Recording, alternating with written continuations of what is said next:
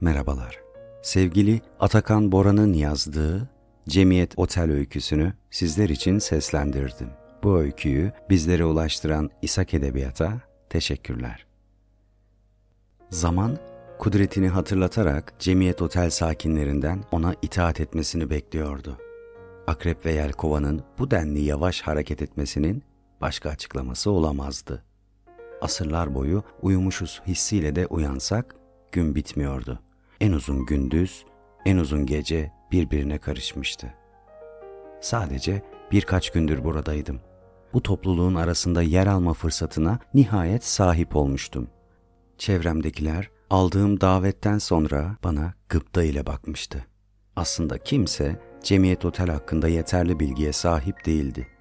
Tek bilinen cemiyetten bir davet almanın seni ayrıcalıklı kıldığıydı. Cemiyette konaklamak için bilinen herhangi bir koşul yoktu. Daha doğrusu yapılabilecek bir genellemeyi yok sayabilecek örnekler her zaman mevcuttu. Mesleğin, eğitimin ya da zenginliğin bu açıdan belirleyici olduğu söylenemezdi. Buraya yalnızca davet edilirdiniz. Cemiyetin kapısından içeriye adım atanla çıkan kişi asla aynı olmazdı. En azından yıllardır cemiyet hakkında anlatılanlar bu şekildeydi. Cemiyet Otel bir dağın tepesinde sık ağaçlıkların arasına kurulmuştu. Bir otelden ziyade sanatoryumu andırıyordu. Etrafı duvarlarla çevriliydi. Civarda bir yaşam emaresi mevcut değildi. İnsan yapımı olabilecek bir ev, bir kulübe dahi görünmüyordu. Dağlar ve ağaçlar Cemiyet Oteli çepeçevre kuşatmıştı. Buranın ülke içinde mi yoksa dışında mı olduğunu söylemek mümkün değildi. Bu konuda konuştuğum hiç kimsenin bir fikri yoktu. Buraya bizi getiren araçla öylesine uzun bir yolculuk yapmıştık ki herkes uykusuna yenik düşmüştü. Gözlerimizi açtığımızda kendimizi Cemiyet Otel'in önündeki geniş bahçede bulmuştuk. Buraya gelmeden önce beni alacak aracı beklerken Bekir diye birisiyle tanışmıştım. Gerginliğimi gidermek için yanı başımda peş peşe sigara yakan bu adama selam vermiş, ayaküstü birkaç dakika konuşmuştuk. Araç geldiğinde onun da cemiyet otele davet edildiğini öğrendim. Boş bazık ederek onunla geçmişim hakkında konuşmadığım için ucuz atlatmışım. Çünkü kural oldukça açıktı. Cemiyet otele davet edilenler geçmişini ardında bırakmalı, bu konuda hiç kimseye tek bir söz dahi etmemeliydi. Bu kural benim için oldukça zorlayıcıydı. Bekir de bu durumdan müzdarip. Bunu açık açık ifade etmekten çekinmiyordu. Otel görevlilerine bunu söylediğinde bir karşılık alamamıştı. Zaten otelde konaklayanlar haricinde kimsenin ağzını bıçak açmıyordu. Bütün görevliler dillerini yutmuş gibiydi. Kimse hiçbir yönlendirmede bulunmuyor, kesinlikle bizimle iletişime geçmiyordu.'' Gün içerisinde bitmek bilmez zamanı nasıl tüketeceğimiz konusu belirsizliğini koruyordu. Buraya gelirken Cemiyet Otel'in böylesine başıboş olacağını herhalde hiçbirimiz hayal etmemiştik. Bekir'in kafasında bu konu hakkında benden çok daha fazla soru işareti bulunuyordu. Burada bir başımıza vakit türetiyor oluşumuz kasten mi tasarlanmıştı? Bunun hakkında kafa yoruyor ama eninde sonunda işin içinden çıkamıyorduk. Bekir, geçmişi unutmamız, başka birine dönüşmemiz bekleniyor. Dışarıdan bir müdahale olmadan dönüşmemiz mümkün değil ki. Bizden istenen değişimse anlıyorum ama dönüşümse bu işi bu şekliyle kabul edemiyorum diyordu. Oysa bizden istenen bir şey olup olmadığı dahi meçhuldü. Cemiyet Otel hakkında yaptığımız çıkarımların çoğunu kendi kafamızda kurmuştuk somut olarak yapılacak tek çıkarımı davet mektubundaki geçmiş hakkında konuşmamak ile ilgili kuraldan hareketle yapıyorduk. Bir gün Bekir, bahçede gezinti yaptığımız sırada otelin üst katlarına doğru avazı çıktığı kadar bağırdı. Bu otelle ilgilenen kimse onunla hemen görüşmek istiyorum. Talebi elbette karşılık bulmadı. İşin ilginci diğer otel sakinleri Bekir'in bu haklı talebini yadırgamıştı. Onu bir ayrı kotu olarak görüyorlardı. Bekir ve benim haricimde herkes halinden memnun gibiydi. Biz memnun değildik çünkü buraya gelmeden önceki yaşamamıza nazaran burada değişen hiçbir şey olmamıştı. Birkaç gün sonra artık Bekir'le canımıza tak etmişti. Kendi rızamızla buraya gelmiştik ama bir mapustan farksızdık. Muhatabımız yoktu. Sadece yatıyor, yiyor, içiyor, bahçede turluyor, sonra yine yatıyorduk. Günden güne yaşamımız tek düze bir hal almaya başlamıştı. Zaman zaten geçmek bilmiyorken onu amaçsızca doldurmaya çabalamak bizi yıpratıyordu.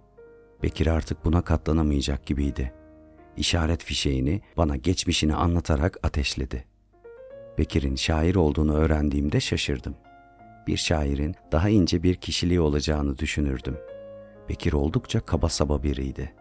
Sözünü sakınmıyor ve bunu da içinden geldiği gibi palas pandras yapıyordu. Bekir meslek olarak şairliği benimsemişti. Kitap gelirleriyle, şiir üzerine verdiği atölye eğitimleriyle, çevirilerle, köklü bir dergide yazdığı denemelerle ve bir barda düzenli olarak şiir okuyarak kazandığı parayla geçiniyordu. Ancak uzunca bir süredir ne bir şiir ne de bir deneme yazabilmişti. Bu yaşına kadar hiçbir kadınla ilişkisi olmamasına öylesine kafaya takıyordu ki bu yüzden şiire küsmüştü. Kadınların yanında sanki ağzım mühürleniyor. İki kelimeyi bir araya getiremiyorum dedi. Şiirlerinin konusuysa söylediğine göre hep kadınlar hakkındaydı. Kitaplarını okuyanlar onu bir kucaktan diğerine koşuyor sanıyordu. Bu durum onu içten içe yiyip bitiriyordu. Yalnızlıkla mücadelesinde tek dayanağı olan şiirden kopuşuyla boşluğa düşmüştü. Cemiyet Oteli bir çıkış yolu olarak görmesine karşın yaşadığı hayal kırıklığı onu daha da dibe çekmişti. Buna daha fazla katlanamayacağını, bu akşam geç vakitte buradan kaçmayı kafasına koyduğunu söyledi.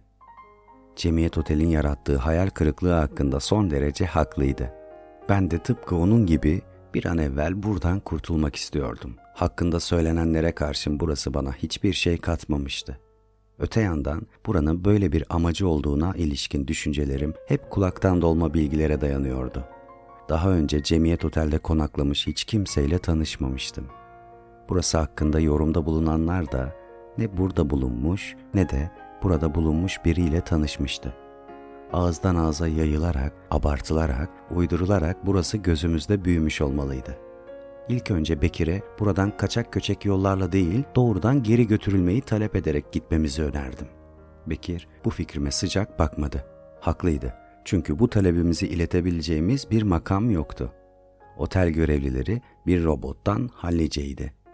Otel bahçesinin dışarıya açılan kapısındaki güvenlik görevlileri ise üzerimizde bir baskı oluşturuyordu. Dışarı çıkmayı hiç denememiştik. Hem bahçenin büyüklüğü hem de duvarlar ve güvenlik görevlileri bizi bu fikirden uzak tutmuş olmalıydı. Üstelik cemiyette bir şey olacağını beklerken dışarıya çıkmaya lüzum görmemiştik. Şimdi ise kendimizi iyiden iyiye tutsak hissediyorduk. Ancak Bekir ve ben bu düzene boyun eğmeyecektik. Belki diğerleri gibi cemiyet otele ve zamana itaat etsek düşlediğimiz değişim gerçekleşecekti. Ancak bu diğerlerinin izlediği yoldan olacaksa biz bunu kabullenemezdik. Diğerleri seçimini yapmıştı. Hissizleşmiş gibiydiler. Hareketleri donuklaşmış, gitgide daha az konuşmaya başlamışlardı. Bunu ilk olarak ben fark etmiştim. Bahçedeki bir kamelyada oturduğumuz sırada Bekir'e diğerlerinin günden güne otel görevlilerine benzediğini söylemiştim. O andan sonra diğerlerindeki tuhaflığın daha fazla farkında olmaya başladık. Onlar cemiyetin talep ettiği biçimde yeni bir benliğe kavuşuyor olmalıydı. Bizim arzuladığımız bu değildi. Hissizleşmek değil, geçmişten kopmak değildi. Biz yaralarımızı onarmak, sorunlu yanlarımızı tedavi etmek niyetindeydik. Geçmiş olmadan bu mümkün olmayacaktı. Bizi biz yapan şeye sırtımızı dönmek bizi tek tipleştirirdi. Cemiyet otelin bir görevlisi olmayı istemiyorduk.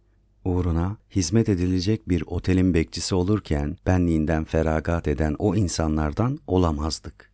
İçimizdeki asi ruh boynumuza zincirin geçirilmesine müsaade etmiyordu.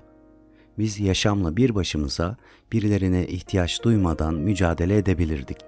Mücadeleden yenik çıksak da yılmazdık.